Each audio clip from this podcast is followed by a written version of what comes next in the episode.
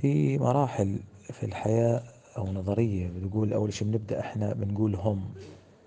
هم يعني الطفل أو الولد هم يعني هم بيرضعوني هم بيأكلوني هم بيشربوني.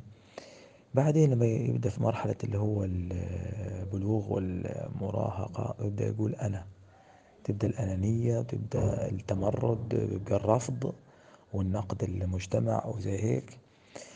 بعد فترة من النضج تيجي النحن هذه اكتمال الحكمة والنضج النحن إذا الإنسان ضله في مرحلة معينة ما, ما وصلش في الآخر للنحن بيبقى مشكلة عنده بالنجاح أو بالإنسانية لأنه ظل على هم بكون اتكالي. في كتير ناس هنا ضلوا هم هم يعني اعتمادي.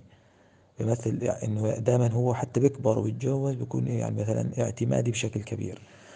واحيانا بكون بتجوز لأنه يكون اعتمادي إنه يكون أنا. يعني بيكون هو الأنانية.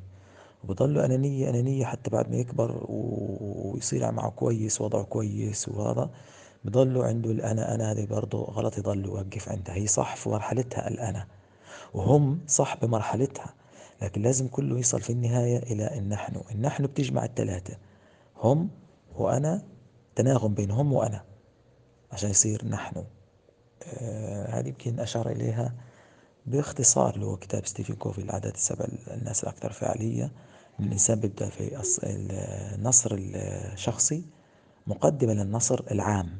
لما تقدرش أنت تكون قائد على ناس ومجموعة دون ما تكون قائد على نفسك في الأول شيء لازم تفهم نفسك عشان بعدين تفهم تدير الناس وتتعامل مع الناس.